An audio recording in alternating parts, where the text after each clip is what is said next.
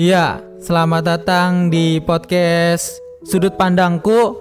Eh, kali ini eh, kita masih dalam kondisi COVID juga. Eh, sebelum syuting ini juga kita udah mematuhi protokol kesehatan. Eh, masih dalam suasana Ramadan juga nih, kita masih puasa juga. Eh, sudah bergabung bersama kita yaitu Rizky Gunawan. Apa kabar nih Rizky Gunawan? Alhamdulillah sehat Kang Firman. Ya, eh, kegiatannya apa aja nih Kang Rizky nih sehari-harinya? Kalau untuk sekarang sih ya masihlah sibuk dengan tugas-tugas kuliah, terus organisasi dengan kegiatannya, sama rebahan dengan segala godaannya gitu Kang Firman. Jadi lebih sering rebahannya kali ya. Ya, Kuliah sama dengan rebahan. iya itu godaannya masalahnya tuh. Godaannya Firman. berat juga ya. Apalagi lagi puasa, Lagi aduh. puasa. Biasanya tuh kalau puasa tidur tidur tidur. Iya gitu. Malam main gitu kan kehidupannya tuh. Enggak sih, Oh, kalau saya enggak. teraweh. Oh iya benar-benar. Tapi udah bolong berapa sih? Tara weh. Iya. Iya, Rizky Gunawan. Jadi eh, mungkin ada yang ada perubahan lah ya dari segi kondisi belajar juga di masa online ini gitu kan ya. Tapi nih kayaknya dalam waktu dekat ini saya dengar-dengar ada ada berita ada wacana bakalan offline nih. Udah udah dengar belum nih Kang Igun? Eh, saya juga pernah baca gitu di liputan kompas.com kalau gak salah. Jadi eh, Kemendikbud itu Bapak Nadiem Makarim, Bapak Pendidikan kita tuh rencananya akan membuka eh, kuliah offline ya, lebih ke kuliah itu Juni, eh, Juli ya, Juli kalau gak salah.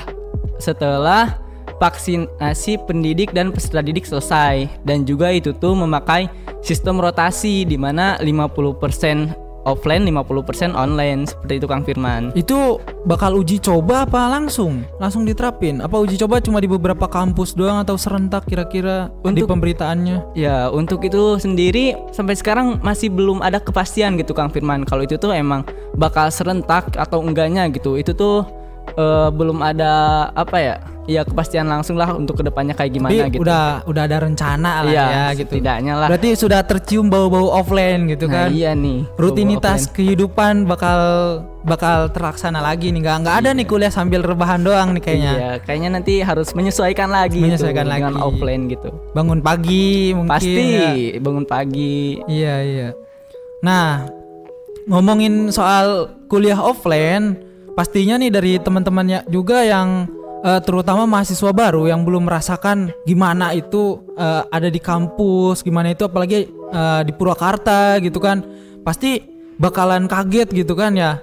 Nah Igun sendiri nih, buat Kang Igun sendiri eh, gimana sih apa per- perbedaannya gitu dari lingkungan rumah sama lingkungan Purwakarta? Yang pertama tuh Purwakarta panas Kang Firman. Oh iya, iya betul. Man, Purwakarta mana? Iya, Purwakarta tuh panas karena saya itu di Sukabumi itu dingin gitu, daerah pegunungan. Ketika ke Purwakarta itu panas ternyata dan itu tuh perlu adaptasi Kang Firman perlu beberapa bulan. Saya tuh deket kipas terus aja tuh Kang Firman. Ya, deket Ya udah. kipas, tapi deket jadian gak tuh? Ah, oh tahu enggak, deket doang. Ya. Iya, PHP doang. nih Kang juga nih. Enggak sih. Oh, enggak juga. Ya gitu Kang Firman. Yang pertama tuh dalam sisi kondisi lingkungannya ya Purwakarta itu terkenal dengan agamis juga gitu. Di mana masyarakatnya itu sangat kental dengan keagamaannya. Seperti itu Kang Firman. Harus ada eh, dari kitanya juga ya, ada kesadaran lah kayak gitu-gitu ya. Iya. Mungkin dalam bersikap sehari-hari kita biasa melewati lingkungan masyarakat sebelum ke kampus nih dari kosan, dari mana gitu kan. Apa ada ada suatu hal yang beda gitu Iya, bener, dari Firman. lingkungan rumah tuh? Apa tuh pastinya kira-kira? gitu ya misalkan kalau kita di rumah itu kurang gitu kalau misalkan eh, dengan tetangga atau dengan sesama itu dalam apa ya dalam tegur sapa itu agak kurang gitu tapi di Purwakarta tuh karena orangnya somea Kang Firman tahu somea Somea itu apa ya? somea itu kayak kalau bahasa orang Sundanya tuh kayak ramah Oh gitu iya, somea ramah. tuh jadi pada ramah gitu saling tegur sapa kayak gitu jadi lebih kekeluarganya tuh eh, kental gitulah di Purwakarta tuh jadi kalau misalkan kita agak biasa tuh di rumah kayak cuek-cuek apa bebek kayak di gitu komplek, ya kayak di komplek cuek gitu Iya, kan. cuek Mungkin bebek tetangganya meninggal juga nggak tahu tuh. iya tuh bisa jadi di Purwakarta tuh enggak gitu Oh, Kang iya. Bener-bener somea gitu orangnya tuh Iya. kayak gitu Itu eh, menurut saya bisa jadi kelebihan juga ya karena kita tinggal di situ bisa nyaman dan aman juga karena banyak yang merhatiin gitu iya kan. bener Kang Firman Iya, betul sekali. Nah, eh, menyinggung-nyinggung ke tadi gitu ya, apa eh, ramah tamah gitu kan, bertegur Hmm. sapa. Nah, kampus tuh pernah ditegur waktu itu karena mahasiswanya ada yang eh, kurang lah gitu. Ibarat katanya nggak someah lah. Mungkin baru, mungkin baru, baru dia di Purwakarta dan baru tahu kalau di Purwakarta tuh ternyata seperti itu gitu. Mungkin ada sedikit sudut pandang nih dari Kang Igun sendiri gimana nih? Iya, itu juga saya pernah mem, apa ya, membaca juga gitu informasinya gitu lewat grup-grup WA gitu, grup WA kelas. Nah, itu tuh eh, laporannya dari masyarakat bahwa ada mahasiswa yang kurang apa ya, tegur sapa gitu ketika melewati lingkungan lah seperti itu. Nah, di samping itu juga mungkin kita harus bersudut pandang lain ketika eh karena kita tuh tidak ada di posisi itu Kang Firman kejadiannya kita tidak tahu seperti apa gitu jadi Hmm. mungkin saja kata Kang Firman tadi bahwasanya mahasiswa itu pendatang baru banget gitu gak tahu kultur Purwakarta tuh Hmm. Ya, somea. bisa seperti bisa itu. seperti itu Kang Firman jadi ya mungkin untuk teman-teman yang lain gitu ya ketika baru pertama kali mendatangi suatu tempat alangkah baiknya gitu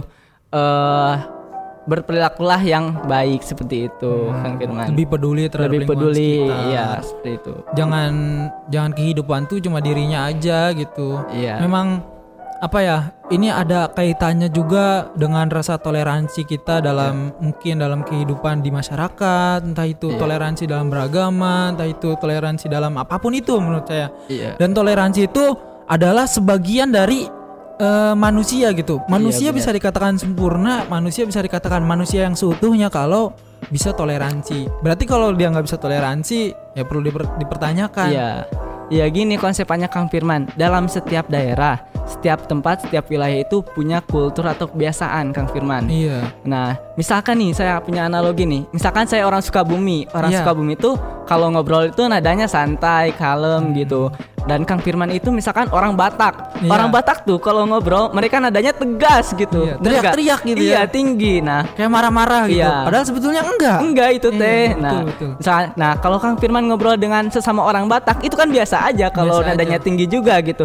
Beda halnya ketika Kang Firman ngobrol misalkan sama saya orang Sukabumi, maka saya akan berperspektif gitu bahwa salah saya apa gitu kok dibentak-bentak Iya, gitu iya, kan. betul. Ah, nah, bisa. itu yang yang kita sebut dengan harus ada adaptasi seperti itu Kang Firman.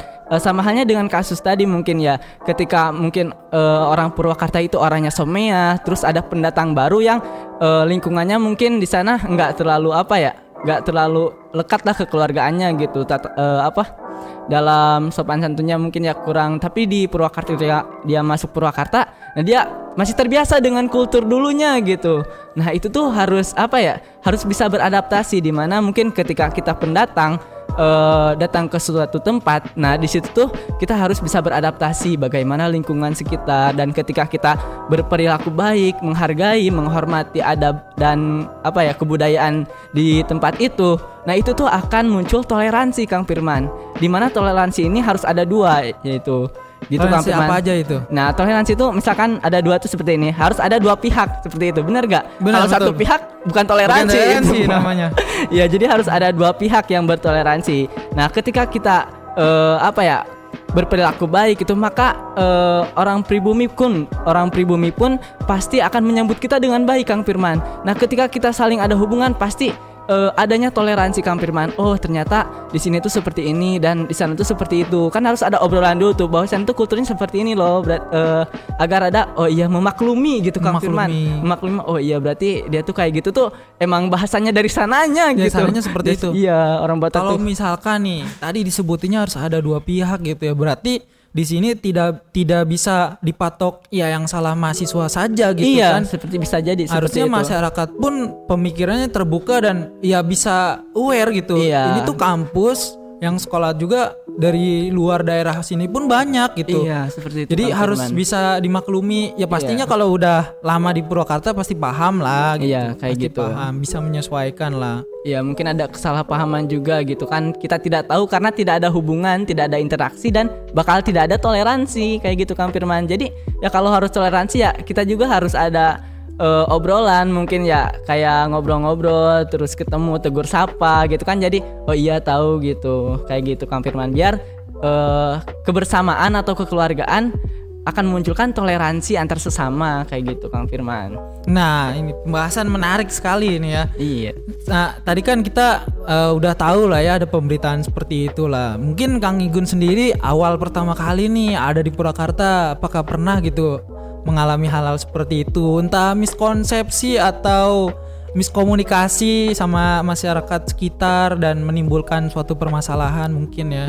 Oh iya, saya pernah pernah pengalaman gitu Kang Firman uh, dan itu sangat berharga gitu bagi saya dan bisa menyadarkan saya gitu. Waktu itu saya tuh pertama kali datang ke Purwakarta gitu. Saya tuh ngontrak bersama rekan saya di suatu tempat lah seperti itu. Nah, tetangga saya itu salah satu staf uh, UPI kampus Purwakarta juga gitu. Sangat baik sekali orang sampai sekarang juga gitu. Saya masih uh, bertegur sapa lah seperti itu. Nah, Gini ceritanya Kang Firman. Suatu masa itu saya tuh ada kegiatan di Bandung kayak gitu. Dan hmm. saya tuh harus di sini tuh berangkat tuh jam 3 karena ngejar kereta gitu. Ngejar keretanya di sana kegiatannya pagi. Waktu itu kan saya e, malam gitu tidur tuh lah habis nugas gitu. Nah, ketika saya bangun tuh sudah jam 3 kurang 15 menit. Tuh kan saya tuh belum beres-beres, belum iya, apa iya, ya. Betul karena cowok tuh biasanya dadakan lah. Dadakan. Gak, gak sekarang itu dadakan. Iya. Tahu bulat. Balik iya. lagi nih tahu bulat dibahas lagi. Dadakan. Iya dadakan tuh. 15 menit saya belum mandi belum beres-beres. Nggak cukup tuh kalau misalkan dikontrakan saya ke apa? Ke stasiun tuh kurang lebih uh, kalau naik motor 7 menit lah. Iya, nah, lima, itu. Uh, iya, 15 menit tuh wah sa waktu sangat mepet gitu. Saya bingung waktu itu. Saya yang pertama saya belum install Grab tuh. Belum. Saya salahnya tuh belum install Grab juga. Dadakan juga. Enggak, enggak, enggak bisa. Kuota saya terbatas limit waktu itu. Nah, waktu itu tuh ya saya bingung kan. Aduh, gimana nih? ya udah saya memberanikan diri untuk meminta bantuan meminta bantuan kepada tetangga kosan saya yang staf UPI gitu yeah. Nah itu tuh kan saya jam 3 malam gedor-gedor rumah orang kan Firman Gimana ya? Ya iya. pasti orang keganggu lah pasti ya keganggu. kurang lebih ya Nah manusiawi lah kalau ya manusiawi gitu. lah Ya kalau kesel atau hmm. tuh ya sangat manusiawi emang saya salah tuh mengaku waktu itu hmm. Nah waktu itu tuh yang pertama itu ya saya membangunkan orang itu orang yang saya juga tidak kenal gitu hmm. harusnya saya kenalan semua masalahnya tuh harusnya kalau kalau kenal gitu tuh ya. enak ya kalau udah kenal tuh kalau minta iya. bantuan ya enak enak gitu tapi kalau siapa kenalan dulu iya kan nah itu saya gedor-gedor gedor-gedor gitu habis itu dibukain kenapa katanya? Saya ceritain kan gini mau kesiangan gitu minta bantuan uh, dianterin atau uh, pesenin grab gitu. Nah kan itu tuh iya waktu itu emang lagi itu ya pas bangun tidur mungkin ya. Nah habis itu tuh baik banget uh, ini si bapaknya tuh. Uh, habis itu saya uh, dipesenin grab dipesenin grab uh, si ibunya juga bangun waktu itu. Nah udah dipesenin grab apa coba kang Firman? Kan saya tuh gak ada uang receh gitu Kang Firman. Maksudnya gak ada puluhan gitu. Uang saya tuh iyalah waktu itu gak ada receh. Guys saya tuh bingung ya kalau saya keluarin orang yang oh, uang yang besar gitu. Otomatis nanti kembalian lama lagi sih. Iya. Apalagi kalau si bapaknya gak punya apa gak punya kembalian, gak punya kembalian itu juga. ke mana-mana saya telat kan saya bingung. Aduh ah ya udah katanya saya dibayarin Kang Firman Dibayarin tuh. Dibayarin. Baru kenal. Baru kenal. Dadak pagi itu berarti. Iya, ya? di, dibayarin ya. Kasihan mungkin ya saya. Mm -mm, kasihan. Iya, eh ya udahlah saya waktu itu berangkat, nah, kegiatan udah udah. Nah, saya tuh nggak nge gitu. Wah, kalau waktu itu merupakan kesalahan saya sendiri gitu. Ya, yang pertama saya membangunkan orang lain gitu. Mm-hmm. Orang lain yang belum saya kenal terus minta bantuan dibayarin pula gitu Kang Jam 3 pagi. Jam 3 pagi. Ah, habis itu nah saya tuh uh, ada uh, kakak tingkat saya yang uh, nyamperin saya tuh waktu itu ngobrol lah ngobrol ini itu dan dia nanyain kemarin ada kegiatan apa katanya kepada saya uh, kegiatan di Bandung. Waktu itu gimana keberangkatannya gitu. Oh iya, iya. seperti itu. Kayaknya emang dia kayaknya udah tahu sih. Iya kayaknya. Nah katanya oh iya diomongin lah. Katanya kalau mau minta bantuan uh, ya uh, kita juga harus inilah harus tahu gitu tahu jam, tempat. jam, tahu tempat kayak gitu. Kita apalagi juga ya. uh, kamu juga kan belum kenal dengan orang hmm. gitu orang itu. Makanya harus harus lebih deket gitu biar gak tersinggung lah intinya. Ya waktu itu saya baru sadar kan teman aduh saya juga gimana ya gak enak tuh. Gak hmm. ngerasa gak enak banget waktu itu. Terus oh, iya. langkahnya gimana tuh? Nah waktu itu ya saya bingung gitu. Mau minta maaf bingung. Mau minta maaf bingung uh, gak enak gitu. Terus makin canggung. Padahal yeah. itu kontrakan uh, apa? Deket ya, lah ya. deket lah tetangga deket gitu. lah tetangga pinggir, pinggir iya. kontrakan. Tapi saya sungkan gitu malu karena malu mungkin ya. Habis itu tuh ya saya memberanikan diri ketika di kampus saya mendatangi si bapak itu dan meminta maaf dan menceritakan. Dan si bapak itu menerima dengan lapang dada oh iya kenapa kamu nggak cerita aja gitu? Oh, iya. karena bapak juga pasti membantu gitu. Beda halnya ketika kamu diam-diam saja seperti apa ya Jadi Ya, nggak tahu juga. iya jadi Karena si bapak juga nggak bisa baca pikiran orang. Iya Kalau benar jadi diam-diam aja. eh, kayak mungkin kurang sopan lah Iya. gitu kayak gitu mungkin Kang Firman abis itu ya saya lebih apa ya ketika apa dengan eh, apa ke tempat baru saya mengenal gitu berkenalan bercengkrama lah biar lebih enak gitu itu pesan pesan dari kejadian tadi kalau- itu iya, yang bisa itu diambil dari ya. ya yang bisa saya ambil gitu sangat sangat bermanfaat, sekali Bermanfaat. gitu mungkin itu Pengalaman suatu guru terbaik. iya benar Kang Firman Pengalaman guru terbaik. mungkin itu bisa di apa ya dijadikan contoh sama teman-teman gitu ya walaupun dari pengalaman saya ya teman-teman bisa ambil juga gitu hikmahnya mungkin ya Kang Firman mungkin itu sih Kang Firman Nah, iya nih.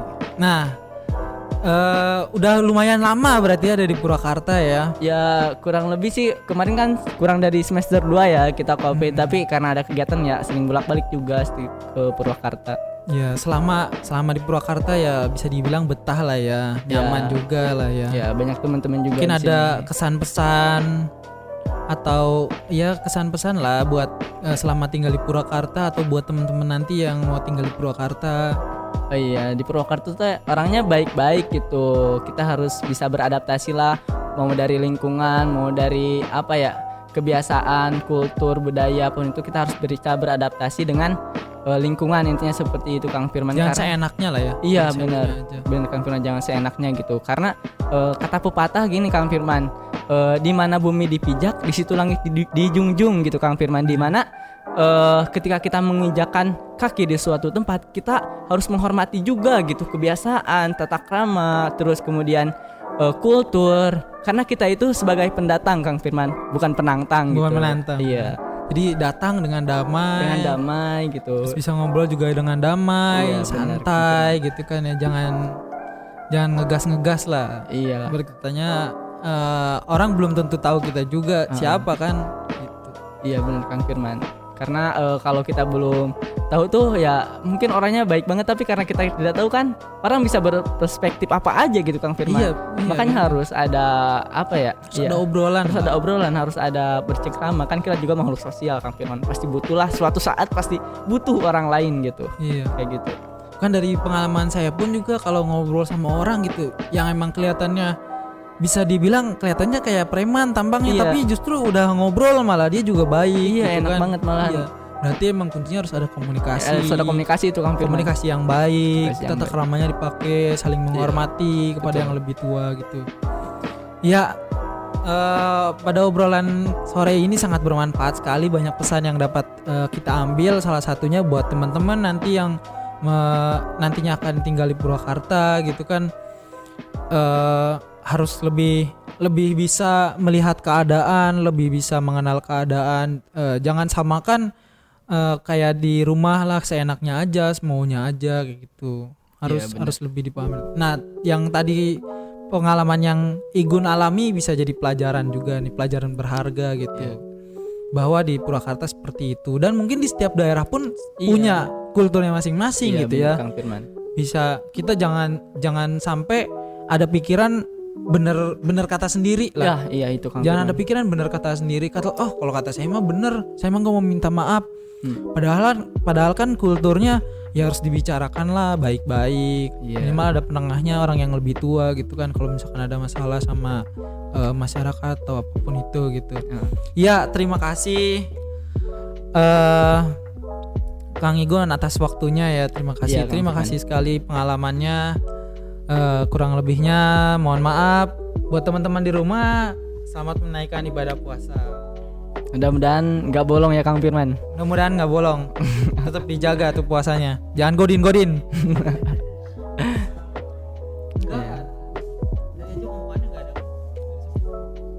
Umum aja lah kayak kayak Raditya Dika. Iya. Gitu para Raditya Dika kalau nggak tiga dua satu iya. Gitu. Bisa lah ya.